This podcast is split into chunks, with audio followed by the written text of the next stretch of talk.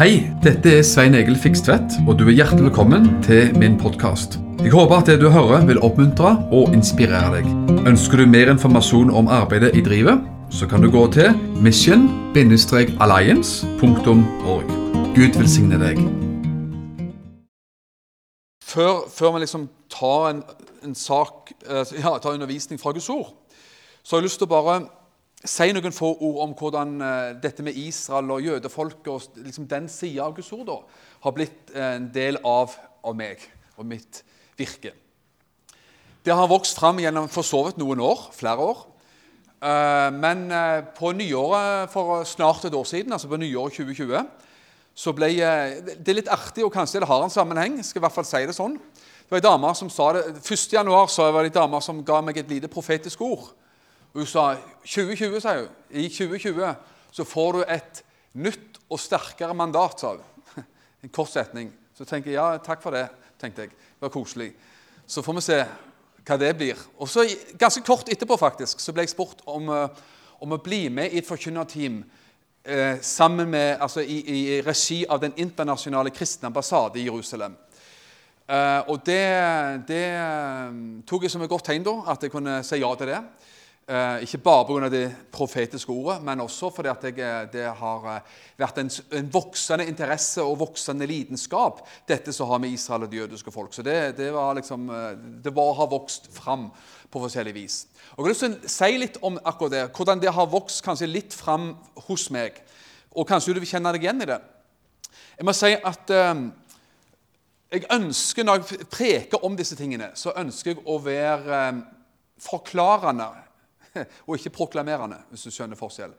For de jeg selv kanskje føler jeg har hørt gjennom årenes løp, mye proklamasjon om dette, disse tingene her. Og Der man bare sier at sånn er det, ferdig med saken. liksom. Ferdig, opplest og vedtatt. og Take it or leave it, som man sier på engelsk.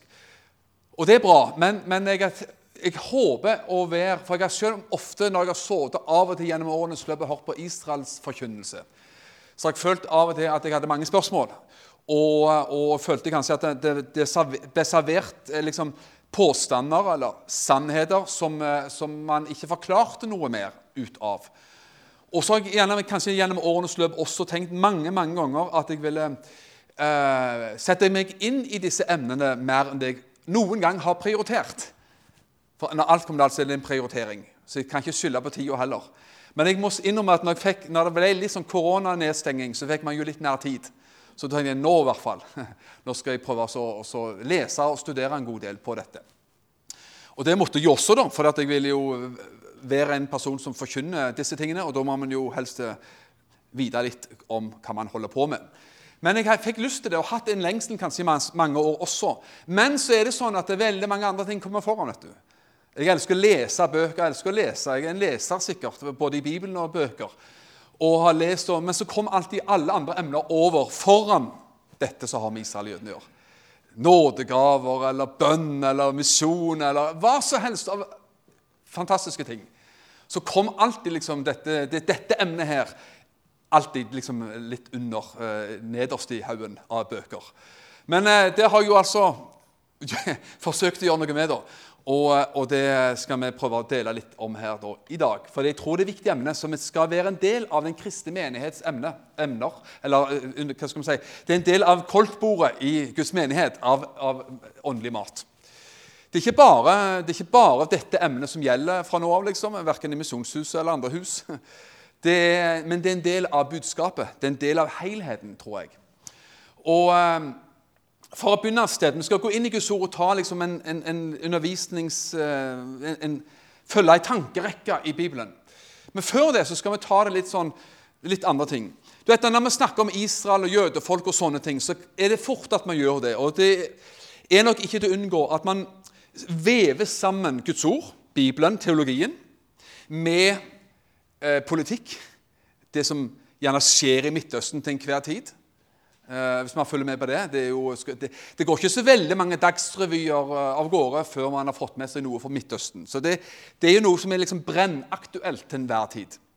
Pluss historikk. Altså Historikk, kanskje til og med juss, om, om, så var. Politikk og teologi blir av og til vevd sammen. Mer når det gjelder Israel enn andre land. For det, det står jo ikke om Norge i Bibelen. Skulle gjerne ønske at det sto om Norge, men det står ikke om Norge i Bibelen. Det står ikke om USA i Bibelen, det står ikke om Japan i Bibelen, men det står om Israel i Bibelen. Derfor så blandes jo som sagt, teologi, politikk og mange andre ting kanskje sammen. Eh, av og til, Kanskje av og til på en god måte, andre ganger muligens ikke på en god måte. Men uansett skal du allikevel få en liten sånn en, eh, kraftig innspill her. Anne. Muligens. For det første så må jeg si at eh, siste gangen jeg var på utenlandsreise, det var i Israel, sammen med Harald Mydland. Noen kjenner jo han. Eh, vi hadde seminar for eh, arabiske ledere. Pastorer og ledere da, det var i Betlehem, det er jo på Vestbredden. Men det var pastorer da, og ledere som bodde inne i Israel. men fordi at det var billigere, mindre kostnader inne i Betlehem, da, som er på palestinsk side, kan du si. Eh, så, så, hadde vi det der. Men det var for meg en stor opplevelse å møte arabere, kristne arabere i dette tilfellet, da, som bodde i Israel, bodde i nord i Israel, og som ikke la skyld på hvor begeistra og glad de var for å bo i Midtøstens eneste demokrati. Det gjorde inntrykk. Det har man hørt. Man har hørt eh, folk preke om det og hørt om det. Men det gjør ekstra inntrykk når man møter sånne mennesker. Vi fikk være med også hjem og være noen timer før vi skulle reise videre til, hos en eh, eh, arabisk kristen familie oppe i nord i Israel, ikke stedet for Haifa. Og, og um, være sammen med dem, spise hos dem og lytte til dem. Det var interessant å høre hva de hadde å si, og hvor takknemlig og glad de var for nettopp å bo i det landet. Det er ikke alltid du hører den sida fra mainstream media i Norge. At det, eh, det som fremstilles, og det er, et, det er, et, bilde som virkelig kan bestrides, det påstår jeg altså. Det er et bilde, og nå tar jeg gjerne hardt i her, så, så du, får, du, får, jo du får jo vanne det ut det sjøl. Men får man de inntrykk, samler man de inntrykk man får fra norsk media, så er det jo nesten sånn at man Israel fremstilles som en si, halvfascistisk stat, overgrepsstat, som er stygge med palestinerne, og som da undertrykker andre. Og er undersøkelser på det faktisk, fra tidligere tider i Norge. Der, eh, der, man har undersøkt, og en stor andel av nordmenn, den vanlige mann i gata, vil jeg si, har den holdningen. At det på samme måte som jødene ble usselt og elendig behandla av nazistene under krigen, som man skjønner Det gjorde de jo og før krigen, altså jødeforfølgelsen gjennom historien. På samme vis har nå jødene begynt å bli like stygge mot palestinerne. Det er, liksom, eh, det er tenkningen og det er fortellingen man ofte får servert. Nå er det ingen norsk TV-rapporter som vil si det på den måten jeg sier det. Det er klart, man sier ikke det. Men det er faktisk det bildet mange får. Det er sånn en var, Veldig mange nordmenn vil uttrykke når de skal forteller sitt inntrykk, sitt samlede inntrykk av det, de inntrykk de har fått planta om eh, disse tingene her. Og Da er spørsmålet hvor har man det fra? Er det bare fantasi de har fått det fra? Nei, det er egentlig det inntrykket man får når man har satt, hørt nok om, om eh, norske reportere og norske politikeres syn på det som har med Israel og Midtøsten å gjøre. En kollega av meg som, eh, som fortalte meg dette, pastorkollega, bare kanskje noen få år siden, ja, noen få år siden, så hadde han med konfirmantene sine til McDonald's. Skulle være grei, vet du. Ta med konfirmantene på tur, på tur, ja, tur til McDonald's. Og Da var det en mann der som serverte eh, i kassen, og han var av utenlandsk opprinnelse. Uh, og da spurte denne pastoren hei og hå, liksom, hvor kommer du fra? Og da sa han, byen, uh, da sa han navnet på en, Israel, en, by i Israel. Og så sier pastoren å ja vel, ja, det var jo koselig. liksom. Det er jo nede i Israel, det, sa han. Så ble han litt stram i maska, denne her karen her, han som stod og serverte på McDonald's. Israel, sa han. Det fins ikke noe Israel, sa han. Men det fins bare et folk som har stjålet landet vårt. Og Det er presis det som er fortellingen og eh, Ja, fortellingen, historien til palestinerne. Det er et, land, det er et folk der nede som er jøder, israelere, som har kommet, kom fra alle verdens kanter og stjal vårt land. Det er tenkningen. Hvis du skulle ta fem på gata på Vestbredden og fem på gata, eller 20 på gata i Vestbredden, så er det den historien du vil bli fortalt. For det er den historien som går igjen i skolebøkene, fra klassetrinn til klassetrinn. Det er den fortellingen man er opptatt av og bevisst på å plante videre. At det er folk her rett bak muren som, heter, som er jøder, som ikke hører hjemme her i det hele tatt. Det er ingen rett til å være her, men de kom og tok vårt land. Det er selvfølgelig en fortelling som kan bestrides veldig, veldig sterkt. Men det er den fortellingen man har, og da tenker man faktisk så gjør man det, det er en utbredt tanke at jødene, for Skal det bli en fred i, i, mellom Israel og palestinere, så er det en utbredt tanke på Vestbredden at eh, hele Israel må vekk. Altså Det blir ingen ordentlig, varig, skikkelig, rettferdig fred før hele Palestina er frigjort. Det er det de ofte snakker om. Og hva sier de da? Jo, fra elven til havet, fra Jordanelva til Middelhavet. Det er der Israel ligger. ikke sant? Så det er fortellingen. Noen sier at det også åpenlyst, andre ikke. Men det er også en utbredt oppfatning at det, ved en eventuell palestinsk stat på Vestbredden så det er også de som sier at det er i så fall episode nummer én. Det er runde nummer én til å frigjøre hele Palestina. Det, og Light-versjonen av det har man kanskje fått fra Gaza. Når Israel trakk seg ut av Gaza i 2005, høsten 2005, så skulle befolkningen der styre seg sjøl, ha valg og, styre seg sjøl. Og så vet vi hva som har skjedd. Nettopp at uh, man har uh, brukt tida, effektivt og godt til å skyte raketter over grensen mot Israel. Det er det man har å riste, jeg, riste gjerdet og banke gjerdet for å komme igjennom. Vi skal inn og ta over det landet som egentlig tilhører oss. Og så har man prøvd å bygge tunneler, også det har man gjort. Det har blitt oppdaget igjen og igjen, og de tunnelene har blitt ødelagt. Men, men det er altså den eh, forferdelige fortellingen som serveres og fortelles. Og det kan, som sagt, Jeg skal ikke my bruke mye tid på å bestride det, men det kan bestrides på alle tenkelige vis. faktisk. Det påstår jeg. Men det er ikke det som er fortellingen i dag. Men vet du hva? hovedkonflikten mellom palestinere og israelere, jøder, er nettopp det. Hvem har rett på land? Og Den, den mest ekstreme eh, versjonen fra palestinerne er at Israel og jødene hører ikke hjemme her overhodet. Vi skal frigjøre hele vårt land ved Allahs hjelp, og så skal jødene bort. De kan komme, og de vil spørre, ja, Hva skal de gjøre seg? Noen sier de kan få lov til å være en minoritet i et palestinsk stat. Sånn som kristne er minoritet i Syria, Irak Det er jo kristne minoriteter rundt omkring i muslimske land. Og mange andre sier at de kan rett og slett reise der de vil. De kan komme seg der de drar hjem der de kommer fra. Til Etiopia, til Øst-Europa, til Amerika, til hvor som helst. Bare, de, bare at eh, Palestina blir frigjort. Det var, det var, kanskje en politisk liten eh, tilnærming, da. Beklager, her går tida i godt selskap. Jeg driver jo ennå Mission Alliance og har tenkt å fortsette med det. Med den type tjenesten som jeg har hatt og har gjennom den misjonsvirksomheten jeg har. Så dette med å være eh, med i forkynnerteamet til Den kristne ambassaden det er et herlig tillegg som gjør meg glede og gjør, føler jeg bare med å gjøre tjenesten enda mer brei og ja, mer bredde og mer variasjon for, som sådan. Og det er en ære og glede å få lov til å være med ha, og, og, og ha med dette budskapet. da, det må jeg si.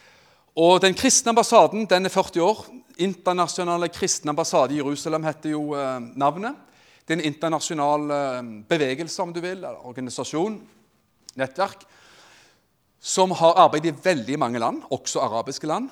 Eh, man flytta inn, man, Den ble starta i 1980, så det er 40 år gammelt. Som en reaksjon på at når Israel proklamerte Jerusalem som sin udelelige og evige hovedstad i 1980 så var det jo veldig mange land som hadde ambassader i, i Jerusalem. Så flytta de sine ambassader til Tel Aviv. For man ville ikke være med på den der. For det også ble mye bråk og trusler fra arabiske land om oljeboikott osv. Så, sånn. så da flytta jo egentlig hele verden sine ambassader til Tel Aviv og, og ville liksom ikke ha noe med Jerusalem-konflikten å gjøre som sådan. Da var det noen som starta den internasjonale kristne ambassade Jerusalem. Altså, De tenkte når alle andre flytter ut av Jerusalem med sine ambassader, hvorfor kan ikke kristenfolket ha sin ambassade til støtte for det, Israel, det israelske folket, jødiske folket. Så Sånn kom eh, denne, denne, dette arbeidet i gang. Og i dag så driver man arbeid i, altså har avdelinger i mange, mange, mange, mange land. Hovedkontoret i Jerusalem. Og er med å bygge og støtte det jødiske folket og bygge samfunnet i Israel. Hva gjør man? Man er med å støtte eh, senter og, uh, gamlehjem og senter for holocaust-overlevende. Man er med å ha brakt tusenvis av jøder tilbake til Israel fra Etiopia, fra Øst-Europa. Og, og, man er med og også med å støtte og heie på den messianske bevegelsen i Israel. Det kan vi være glad for og stolt over. At eh, man heier på den voksende messianske bevegelsen i Israel. Og Det er noe som bør glede oss, at det er stadig flere jøder som kommer til å tro på sin Messias, den Messias vi kjenner, Jesus. Det nye testamentet og selvfølgelig Gamle testamentets Messias, men som de i, stor, i det store hele ennå ikke har oppdaget. Men vi har oppdaget han. Og Det er vår glede å få være med og heie det fram og være med og bringe uh, den Messias, Jesus, og evangeliet på banen også i Israel gjennom de messianske menighetene. Så det er, det er noe av det arbeidet som da, den internasjonale kristne ambassaden da driver i, uh, i Israel. Så sånn er det. Nå har jeg lyst til å ta deg med på en liten historie gjennom Bibelen. Så jeg har kalt, og Det er gjerne en litt sånn lang, lang og tung tittel. Jeg har kalt det for Israel i fortid, og i nåtid og i framtid. Og Da skjønner vi jo at vi kan holde på ganske lenge, og det skal vi være disiplinert på tida, faktisk. Men, men, jeg har lyst til at vi skal se, for, for som sagt, vi kunne hoppet inn i masse politikk og øh, grensesettinger og hvor går grensen øh, til Israel og alt det der. Det tar vi eventuelt en annen gang, men ikke i dag. Og Kanskje man er også uenige om, om en del sånne detaljer eller saker og ting. Eh, jeg har lyst til å ta de store linjene fra Bibelen uansett. Som er grunnlaget for vårt forhold til Israel og det jødiske folket uansett. Og Børge var jo veldig veldig eh, glimrende innom akkurat det der. Kan jeg få lov til å ta deg med til den første profetien i Bibelen? Er du enig i at det finnes massevis av profetier i Bibelen? En haug. En hel haug. Og sikkert ingen av oss som har full oversikt over det, da. Over alle de profetiene. Men den første profetien kom hvor? I Edens hage, faktisk. Og Jeg skal lese den for deg. og Den er nesten litt sånn kryptisk, litt sånn vanskelig å forstå. Men jeg skal prøve å legge den ut og, og, og vise deg en rød tråd som går gjennom Bibelen. Og Da er det jo etter syndefallet. Adam Eva falt i synd. Og da kjenner Du jo liksom, du kjenner historien ganske godt. Og Da er det Gud taler til både Eva, og Gud taler til slangen, og Gud har noe å si. Første Mosebok 3, 14. Så sa Herren, sa Herren Gud til slangen, fordi du, altså slangen, har gjort dette Hva var det han gjorde? Jo, Han lurte jo Adam og Eva. da. Det falle i synd, og de opprør mot Gud. Fordi du, slangen, altså, har gjort dette skal du være forbannet framfor alt fe og framfor hvert dyr på marken. På buken skal du krype, og støv skal du ete alle ditt livs dager. Jeg setter fiendskap mellom deg Hvem er deg i denne sammenheng? Jo, slangen. Djevelen. Og Eva. Altså, og kvinnen. Det er jo Eva i denne sammenhengen. Og mellom din ett, altså slangens ett, og hennes ett, Evasen ett. Her står det plutselig mye om etter. Skal vi prøve å forklare det? Men så står det etterpå noe kanskje underlig. Så står det plutselig fra at det står om slangen, og står om hennes ett, altså Eva, hunnkjønn. Så plutselig så kommer det en han inni her. Hvem er denne han? Så står det etterpå Han skal knuse ditt hode, og du skal knuse hans hæl. Altså han skal knuse slangens hode, men du skal hogge ham, eller hogge han i hælen, sier en annen oversettelse. Hva står her? Jo, det står om en ett. Kvinnens ett, står det. Og slangen. Og så står det plutselig om en han. Hvem er denne han fra en? Mange forslag, kanskje. Hvem er denne han? Jesus. Messias. Hvem er den etten? Jo, den etten som Her lanseres det en ett og vi ser, følger historien framover i første Mosebok Det er første Mosebok 3. Følger man første Mosebok, utover så får man del i en spennende historie som man med rette kan kalle Guds frelseshistorie. Og Derfor vi, må bli flinkere til å kjenne våre historiske røtter, kjære venner. La meg si det sånn. Din og min frelseshistorie begynte ikke med Johannes 3, 16.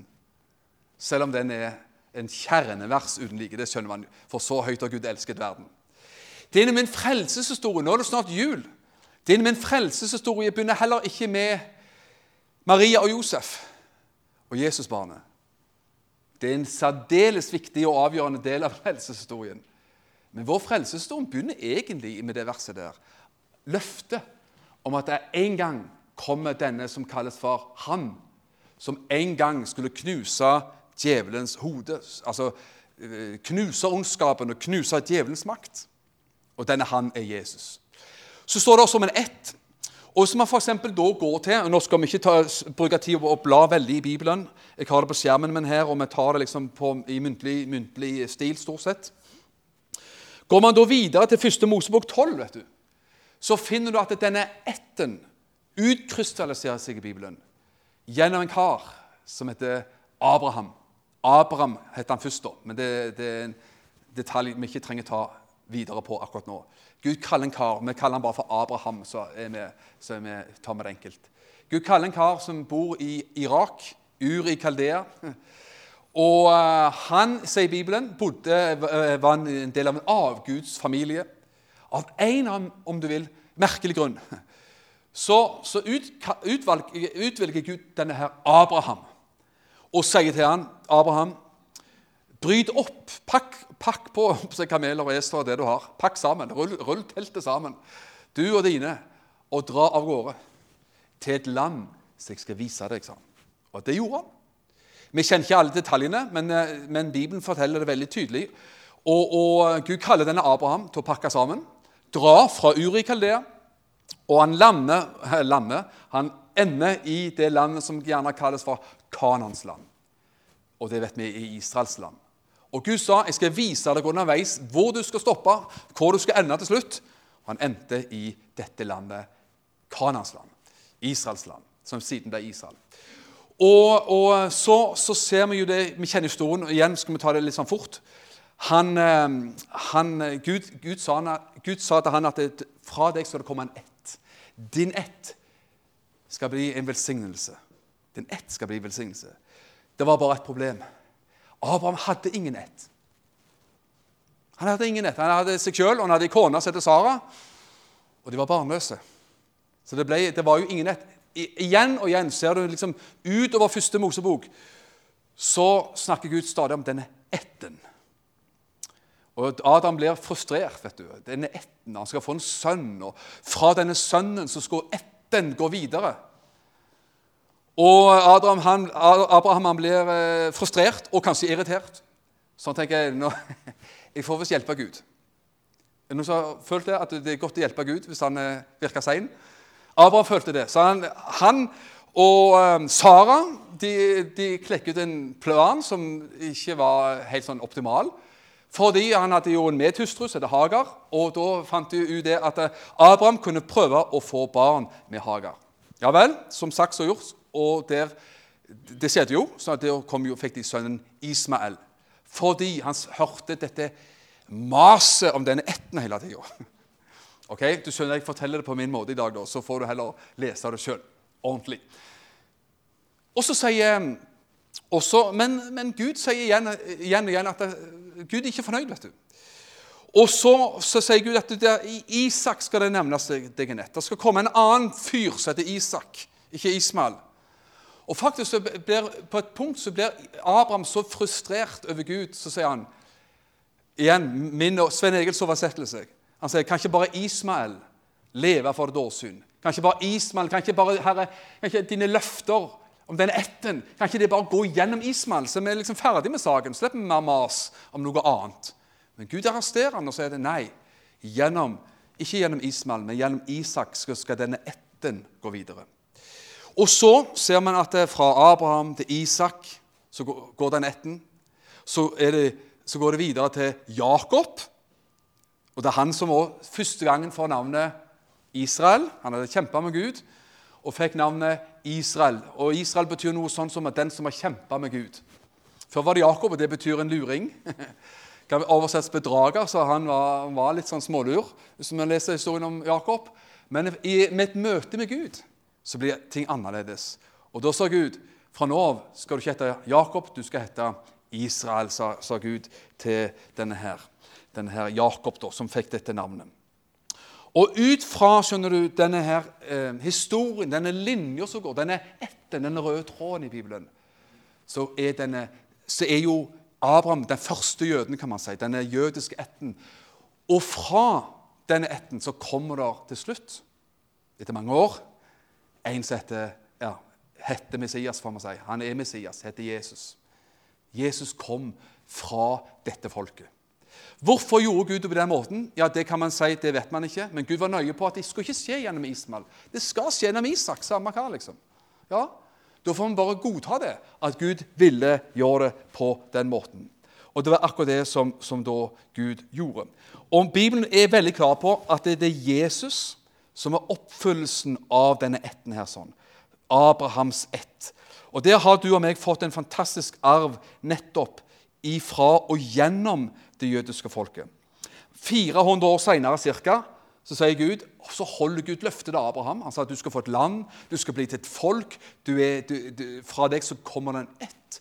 Gud hadde ikke glemt faktisk sitt løfte til Abraham. Selv om det hadde vært da, i mange hundre år i Egypt, så holder Gud på forunderlig vis sitt løfte til denne mannen Abraham. Og La meg bare lese det når til og med Gud hadde herja og, og kjempa med dette ulydige folket, som det mange ganger var så sier Moses, Gud gjennom Moses når de skal inn i landet sitt fra Egypt De har vært i ørkenen i 40 år, og de var i ferd med å ta steget inn i Israels land. Så sier Gud noe artig, om du vil. For Gud er, Gud er jo eh, Gud er bare håper å si festlig. 5. Mosebok 9, 5-6. Så sier Gud til, til folket gjennom Moses Husk at da har det gått 400 år ca. Og, og uh, likevel, dvs. Si en, beklager, mer enn 400 år. Kanskje så mye som 500 år. Så sier Gud det er ikke 5. Mosebok 9, vers 5-6 Det er ikke av din rettferdighet eller ditt hjertes oppriktighet at du skal få komme inn og ta landet i eie. Men det er av disse folkeslagenes ugudelighet at Herren Gud driver dem ut bort fra ditt ansikt. Og det som er viktig å ta med her, da og for at han kan oppfylle ordet han sverget dine fedre, Abraham, Isak og Jakob. Mange hundre år etterpå så sier Moses gjennom, Gud gjennom Moses det er ikke pga. at du har vært så veldig from og flink og lydig og alt mulig. Nei, sier Gud, at du får landet. Nei, du får det bl.a. pga. dette. Jeg lovte noe en gang. Kan du tro det at Gud ikke er så glømsk? Han er veldig gammel, fryktelig gammel, men han er ikke glømsk. Han husket sitt løfte til sin venn Abraham og Isak og Jakob. Og som han sier at 'jeg lovte noe en gang', og det har jeg faktisk tenkt å holde. Tenk på det. At Gud er så god og så trofast som det. Så vet vi at Gud hadde jo selvfølgelig også en, en, dypere plan enn bare det, om du vil, for Gud ville nettopp gi oss noe gjennom dette folket. Hør, når Jesus I Johannes 4 så møter Jesus Det er en interessant historie. Jesus møter en dame som en samaritansk kvinne. Er du enig? Husker kvinnen ved brønnen? Det er en sterk historie der, som har veldig mange sider ved seg. Jesus møter den dama. Jeg var i Samaria. Um, den, det, og Samaritanerne det var et blandingsfolk. Det var blanding av jøder og hedenske nabofolk som var blanda sammen lenge, eh, flere generasjoner tidligere. Og Derfor så var det sånn at jødene på Jesu tid de så ned på samaritanerne. De tenker at de der det, det liksom, eh, ja, De hadde foraktelige foraktlige holdninger mot samaritanerne. Og Samaritanerne hadde også foraktelige holdninger mot jødene, så de var ikke veldig særlig gode venner. Men Jesus var annerledes. Er du enig i det? Jøden Jesus var annerledes, så han besøkte ei samaritansk dame. Disiplene var overrasket over det og tenkte hva skjer? Her kommer de tilbake med mat til Jesus, var overrasket at han snakket med ei dame. og at du var samaritan. Dama var overraska at her står en jødisk mann og preker til meg. Det hadde ikke skjedd særlig mange ganger før. Og Det har vi mye å lære av, for det at vi også kjenner historien. Den dama hadde levd et syndig liv. Jesus møter henne med respekt, kjærlighet og verdighet. Det må vi òg gjøre. Alltid. Tilstrebe alltid å gjøre det. Og Vi kjenner historien at Jesus møtte henne med tilgivelse, ny start og begynnelse i livet og, og alt det der herlige. Men så kommer de, når Jesus begynner å snakke med henne om alt mulig, så begynner den dama å interessere seg litt for teologi.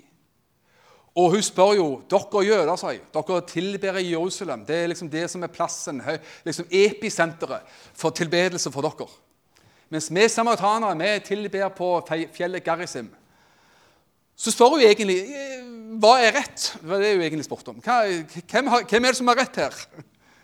Du eller meg? Og da har Jesus midt i sin godhet mot henne, midt i sin Eh, helt fantastiske, respektfulle og kjærlighetsfulle måte å snakke til denne dama til. Og, eh, både fordi hun hadde levd et dårlig liv, hun var samaritansk, men det brydde ikke Jesus seg om, heldigvis. Så sier Jesus likevel noe som vi skal merke oss, for de begynner å diskutere litt teologi. Hva er rett å tilbe Gud? Er det deres gudsdyrkelse, jøder, som er rett? Er det, eller er det vår gudsdyrkelse som, som samaritanere som er rett? Det det jeg egentlig spør om. Og Da ser du at Jesus også våger å være tydelig. Går det an å være tydelig og kjærlig på samme tid i 2020? Ikke alle som er enig i det, men jeg tror jo det. da. Amen. Da sier Jesus Tenk på innholdet i det Jesus sier etter han har møtt henne med så mye godhet. Dere samaritanere, sier Jesus. Dere tilber det dere ikke kjenner. Tenk å si det. Bare, bare se for deg det. Dere, det, det, det, dere holder på med, det er ikke helt uh, greit. Altså, det, dere har ikke helt greie på dere, dere har ikke greie på det dere holder på med. Igjen Svein Egils oversettelse. Men så sier Jesus men vi jøder, vi, vi, vi tilber det vi kjenner. Dere tilber det dere ikke kjenner. Vi tilber det vi kjenner. Med andre ord det er deres uh, gudsdyrkelse er ikke så bra som vår, sier Jesus. Og så sier Jesus noe utrolig viktig. For frelsen kommer fra jødene, sier Jesus. Johannes 4, 22. Tenk på det. Midt i alt han tilga henne, møtte henne respekt og bare, bare Hun ble behandla så annerledes som hun noen gang var blitt behandla av noen mann. Også jødisk mann, for den saks skyld. Men Jesus presiserer likevel og sier frelsen kommer fra jødene, sa han. Kan vi la det synke innover oss litt? Hvorfor? Jo, fordi det stemmer med Bibelens bilde. og Det er det vi prøver å snakke om. Hvordan Gud har utvalgt Abrahams ett til å bringe til å gi oss i dag nord, eh, norske vikinger i 2020 her oppe i kalde nord.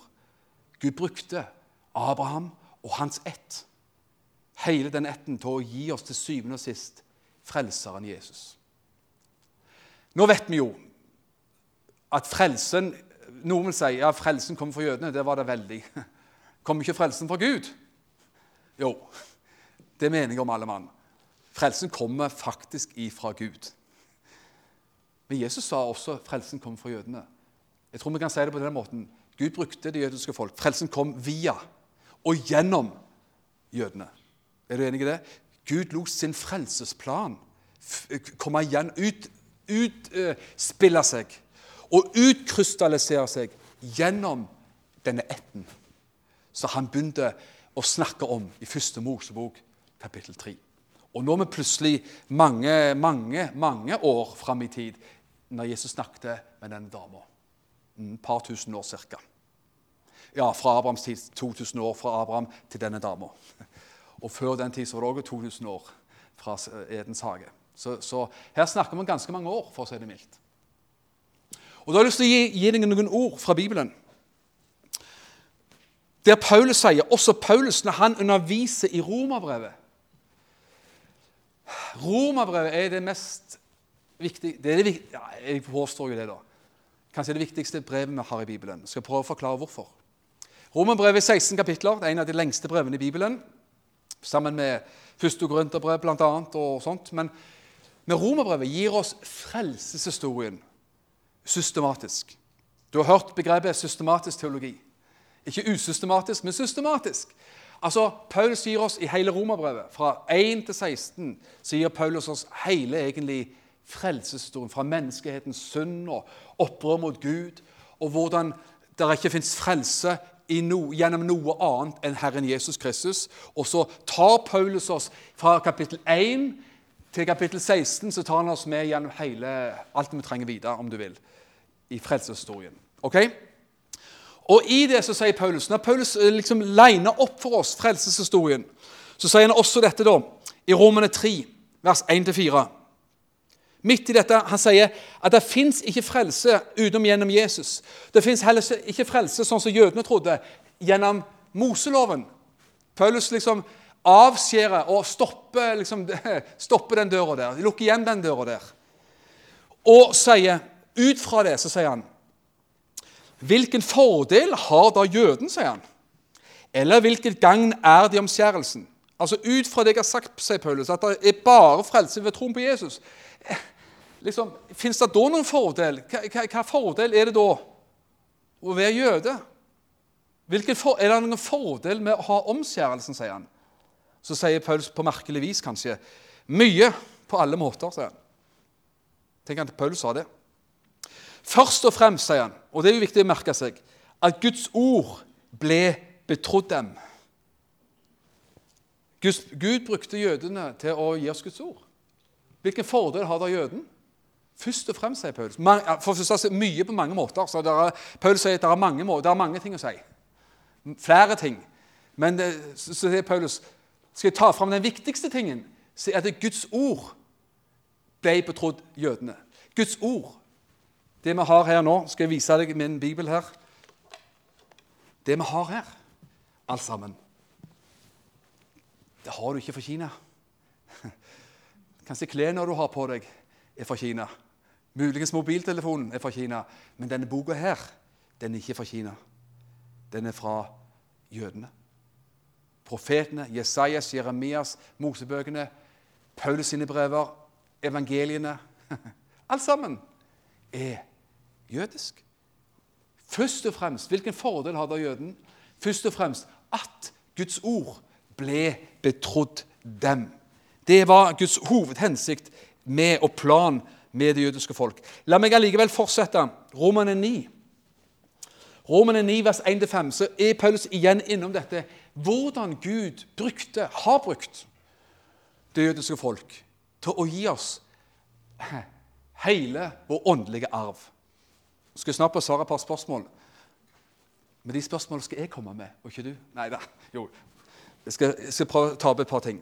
Romene 9, vers 1-5. Jeg taler sann... Jeg skal, ja, Vi skal ta hele, hele, sammenhengen. Jeg taler sannhet i Kristus, sier Paulus.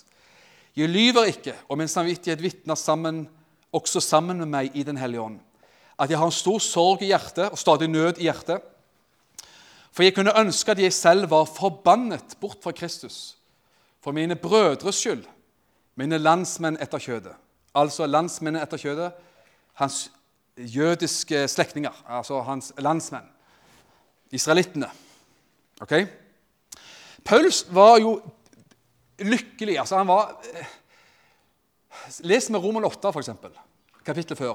Så ser man at Paulus var nesten beruset av kjærlighet til Jesus og evangeliet. Frelsen i Jesus, troen på Jesus.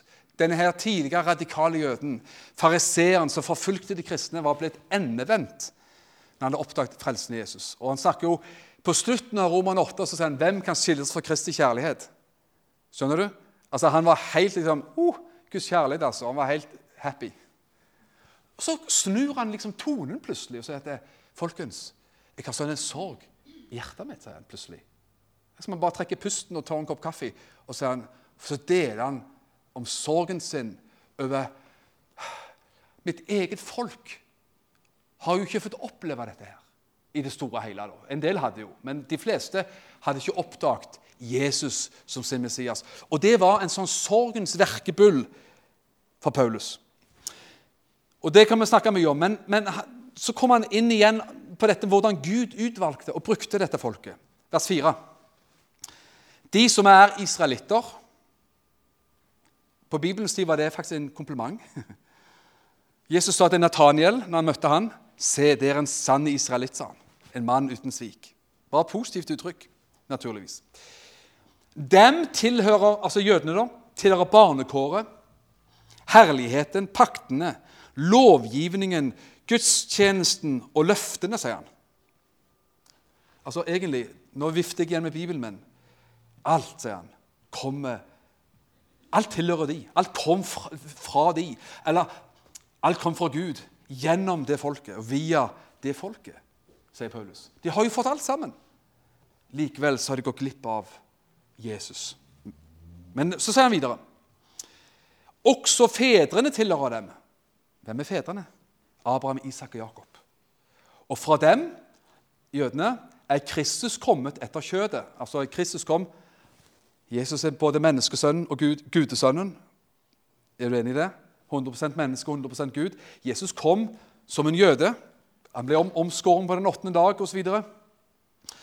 Han som er over alle. Altså Fra jødene har Kristus kommet. Han som er over alle, den evige, velsignede Gud. Amen. Kan du se at Paulus sier at det, det vi har, det vi har fått av all åndelig arv, all åndelig velsignelse Jo, vi er enige om det. Det kom jo fra Gud, fra himmelen, men det kom gjennom noe. Gjennom en kanal, gjennom et folk, for å nå oss hedninger. Det kom gjennom det jødiske folket. Og nå skal, Det var nå jeg skulle komme med et par spørsmål som jeg skulle besvare sjøl. Eller, ja Da er mitt spørsmål Jeg tror vi er enige så langt, kjære venner. For vi har jo lest veldig mye fra Bibelen. Vi er enige. Og jeg tenker sånn at hvis Gud Hvis, hvis det ikke er noe mer å si om jødene enn det vi har sagt nå Hvis vi, så mange tror, men det skal skal bestride det også Hvis så mange tenker, og kanskje tror og sier Hvilken relevans har Israel og jødene i 2020? Hallo, vi har jo fått alt. Vi har fått Jesus, så kan vi ikke bare si ha det til dem. Kan vi ikke bare si at dere er ikke aktuelle? Altså, men hallo, klar dere sjøl der nede. Dere har nok våpen og alt, så, så klar dere sjøl. Goodbye. Ha det bra. Takk, takk, for alt dere har gitt dere, men klar dere sjøl fra nå av. Sånn er det, føler jeg, holdningen kanskje det mange kristne ender opp med å bli. Men, jo, jo, eh, vi har fått Bibelen for jødene, og takk, Jesus var jøde, og Paulus var jøde, og dill og dall. Abraham var jøde, og tjo hei, alt er bra. Vi takker for alt. Men hva, hva har det med oss å gjøre i dag? Liksom. Da har jeg lyst til å si om, de, om, det ikke var noe mer å si om det enn det vi har sagt nå, så har jeg lyst til å si så, så burde vi være evig takknemlige. Evig takknemlige og evig si, anerkjennende til det jødiske folket for det vi har fått. Er du enig i det? Om det ikke var noe mer, så har vi fått det vi har fått. Og det, det, det rekker jo, om du vil. Så bare det. Og Derfor sier Paulus også Nå skal jeg ta det igjen bare på eh, sånn, min egen eh, enkle sitat her fra Roman 11, der Paulus konkluderer veldig mye av de tingene. Så sier Paulus at eh, vi som hedninger, sier han Vi er jo hedningkristne. Jødene er jøder. Så er det så, paksfolk. Så er det jo sånn at sier Paulus til romerne I, Roma, i romermenigheten så var det jødekristne, altså krist, jøder som var blitt frelst, og hedninger som var var blitt frelst. og De, de levde sammen da i menigheten i Rom. Og det så som det gikk bra. Men Paulus har en del gode råd underveis til dem for å ha god sameksistens. Men Paulus sier der i Roman 11 så sier han jo veldig klart at det, Ros deg ikke mot grenene, sier han. Hvis jødene som, som forkasta Jesus, var som greiner på et oliventre, som ble brukket av fordi de forkasta Jesus Og så sier han at du og meg som hedninger har blitt blitt henta fra en, en vill vill grein, et vilt tre, som har blitt poda inn på dette treet. Så sier han, 'Ikke bli høy på pæra', sier han. 'Ikke bli hovmodig, ikke bli arrogant', sier han. Altså, med andre ord, Vær takknemlig og vær, vis anerkjennelse og ærbødighet og anerkjennelse for hvordan Gud har brukt det jødiske folket. Det er det faktisk Paulus sier i Romane 11. Les selv, Det er sterkt, utrolig sterkt og fint kapittel. Så, så venner, vi, vi skylder eh, å være takknemlige for, de, for jødene. Og og for, at Gud har brukt dem, og for at de, vi har fått alt vi har fått fra dem. Okay? Og Da er spørsmålet hvor, hvis, det, hvis, vi ikke hadde fått noe annet, og hvis, om du vil Om du vil, Gud var ferdig, og Gud hadde ikke noe mer å si om dette folket fra nå av. Så var det nok for oss til å være takknemlige. At kristne, i, kristne for 100 år siden de, de trengte ikke ha det forholdet til Israel som vi har. Saken enkel. Det fantes ikke noe Israel for 100 år siden. Men det var en del folk for både 100 år siden og nesten 200 år siden som så, leste Bibelen så tydelig at de så at en dag, for at Guds ord skal stemme Tenk deg det. For eksempel eh, Charles og John Wesley det var de som var opphavet til metodistbevegelsen. Uh, metodist, uh, ja, kirke, kirkesamfunnet som det har blitt nå. De sa faktisk uh, For 180 år siden så sa de at vet du hva, sa de? Hvis Bibelen stemmer, så vil Israel en dag gjenoppstå. Jødene skal tilbake til landet sitt. Tenk å si Det Det er lett å si det etter 1948. Det er lett å si det i dag. Det skal litt mer tro til og mot til å si det liksom 100 eller 200 år før det skjer. Er du enig i det? Da er du litt mer formodig. Da er du tøff når du våger å påstå det. Vår egen, får man si, Ola Hallesby, han sa på 30-tallet Han han ble spurt når han underviste, så sa han om, om, han, eh, om han trodde jødene ville komme tilbake til Israel, og Israel skulle gjenoppstå og, sånt, og sånne ting, så sa Ola Hallesby jeg kan forsikre dere, sa han, at det ikke kommer til å skje. sa Han Tenk å si det. Han sa det med høytidelig. Jeg kan forsikre dere, mine kjære venner, jeg har sitatet her, at det kommer ikke til å skje. Gud er ferdig med det, sa han. Men han var tøff nok og ydmyk nok, denne Hallesby, til å si når han så etter 1948 at han eh, beklagte seg og, og, og sa at 'jeg tok feil'. Det er tøft gjort. Det, det, det kan man respektere. Ok? Så skjønner vi, I dag fins Israel. Det er et land som veldig mange forakter. Det er et land som mange har eh, eh, forvridde nyheter om, etter min mening.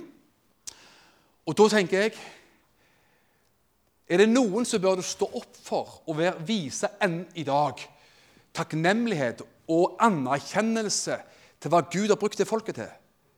Og stille opp for det folket, så var det evangeliske kristne mennesker som tror på sin bibel. På grunnlag av alt fra første Mosebok til Romerbrevet, naturligvis, så er det sånn at vi har all god grunn til å tro på akkurat de tingene der. sånn. Ok, jeg skal gå litt videre, og vi skal passe på klokka, så det er ingen, ingen problem. vet du. Jeg har prøvd å snakke litt nå om Israel i fortid, Abraham og Gammeltestamentet. Så prøvd å dra det litt inn til vår tid. Israel ble gjenopprettet 15. mai 1948. Og mye mye kan sies om det. Alle de kriger de har måttet kjempe for å overleve som folk. Jeg håper skjønner det kommer merkverdig lite fram på nyhetene i Norge om det. Den enorme trusselen som Israel opplever fra Iran.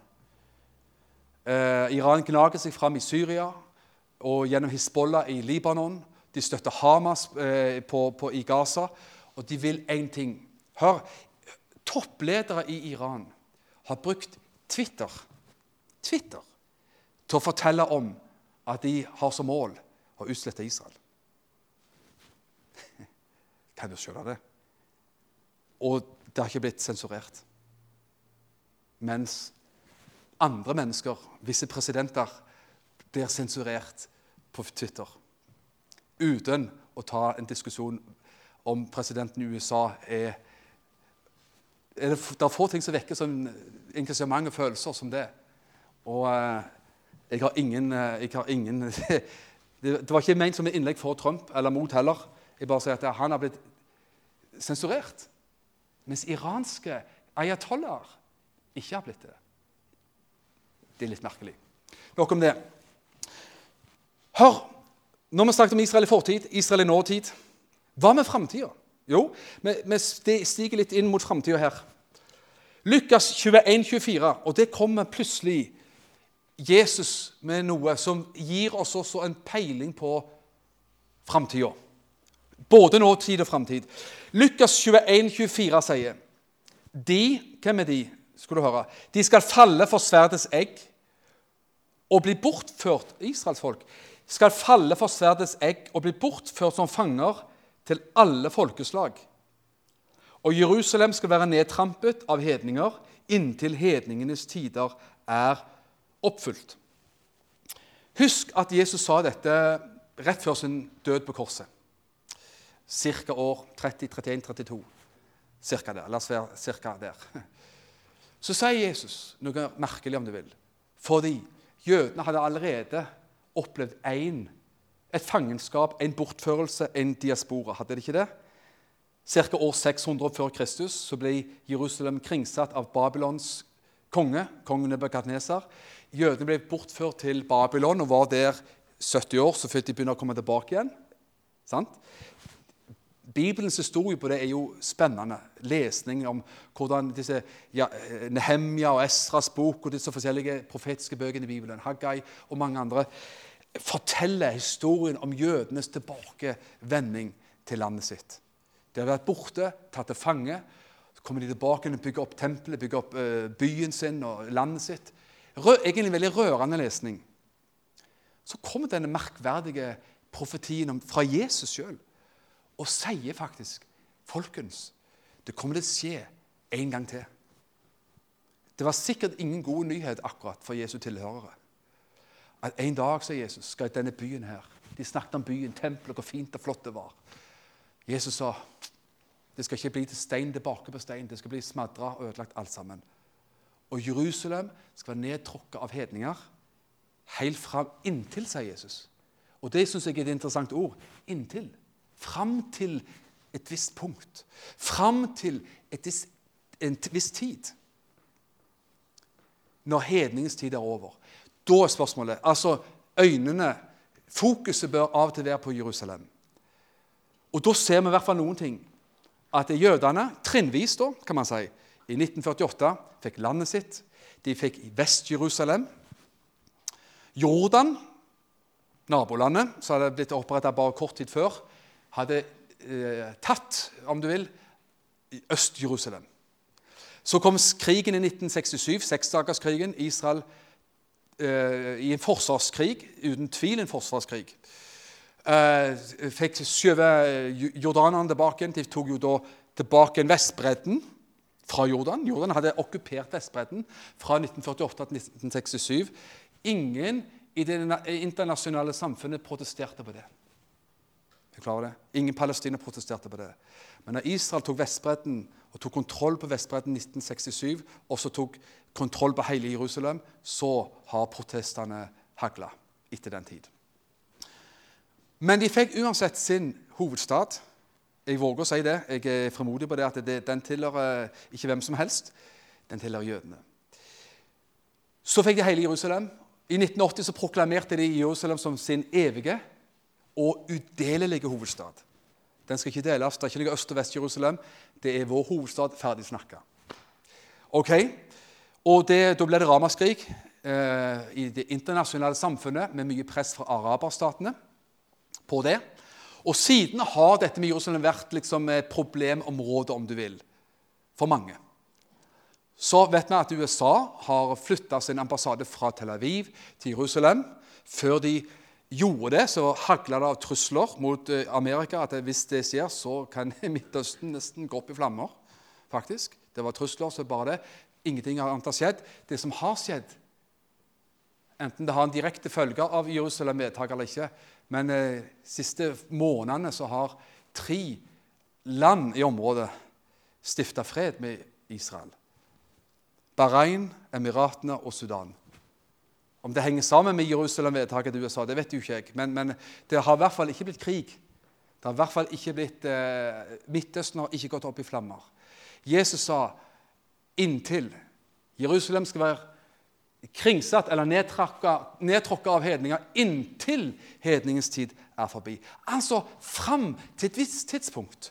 Og gradvis, trinnvis, har man sett at det går i oppfyllelse. Er du enig i det?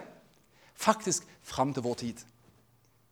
Og da, Det og mange andre vers i Bibelen forteller meg at Gud ikke er ferdig med Israel og det jødiske folket. Det er, mitt, det er viktig å slå det skikkelig fast her i dag.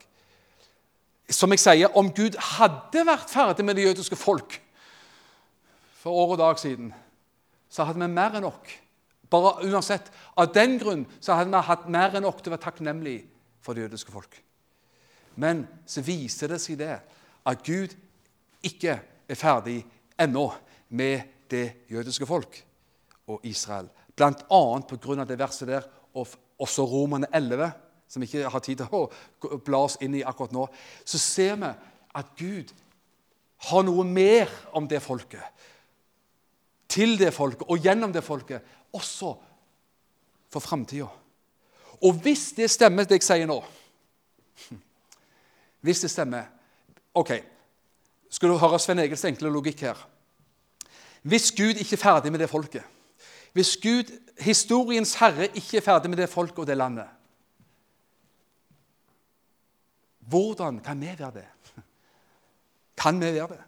Altså, Hvis Gud, vår far Hvis han ikke er ferdig ennå med det folket og landet, hvorfor skal vi sitte her og være ferdig med det? Det høres ulogisk ut. Vi er jo del av hans rike. Men vi er Guds barn. Så hvis vår himmelske far ikke er ferdig helt ennå, for, for å si det mildt, med det landet, så hvorfor skulle meg og deg være det, være det? Og det er vi faktisk ikke. Vi burde ikke være det.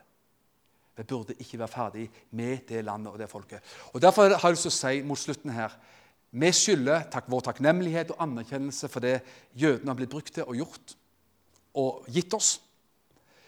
Vi skylder Israel og det jødiske folk mange ting, syns jeg. For det første å be for Israel, be om fred for Jerusalem, sier Bibelen. Jeg har lyst til å si ta Israel og det jødiske folk daglig med i dine bønner. Du ber for dine kjære hver dag, sikkert. Du ber for deg sjøl hver dag. Du ber for saker og ting hver dag. Vet du hva? Bruk et lite stykke tid til å be om beskyttelse og velsignelse for Israel, det jødiske folk og byen Jerusalem. Jesus, Vi har løfter i Bibelen at Jesus en dag kommer igjen. Hvor kommer Jesus igjen da, tro? Til Jerusalem.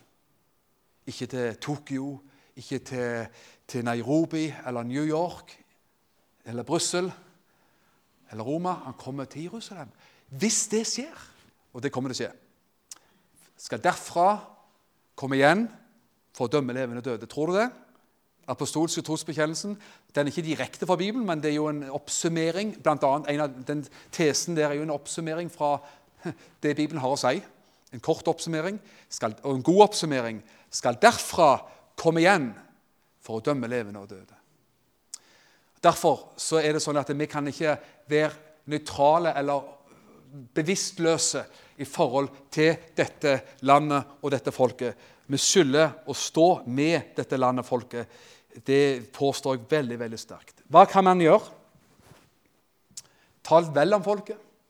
Be for landet og folket. Svelg ikke blindt det som media sier.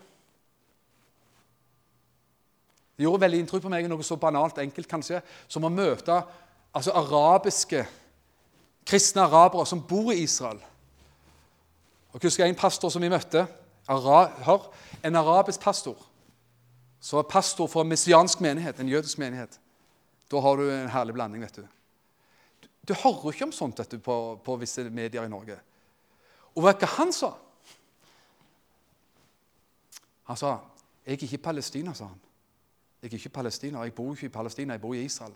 Jeg er israeler, sa han med stolthet. Jeg er arabisk israeler. Og sa mine barn de er med i det israelske forsvaret. Selvfølgelig, sa han. Er de med i det? Helt klart. Det skjer fantastiske ting i Israel. De messianske kristne, messianske jødene, for å si det mer korrekt, messias-troende jødene vokser i antall. Og de kommer mye mye lenger enn noen gang i det israelske samfunnet. Og vet du hva? Vi, vi skylder å støtte og heie på det folket, for der har vi fått vår, all, si, all vår åndelige arv. Og Hvis Gud ikke er ferdig med det folket, så skulle ikke du og meg heller vært det. Ta Israel med i dine daglige bønner. Jeg vet ikke om du har vært i Israel. Det har vært, da tror jeg har telt opp så godt jeg har kunnet, seks ganger. Jeg tror ikke det blir den siste gangen. altså. Må få koronaen vekk først, kanskje. Besøk landet. Les litt litteratur om land og folket.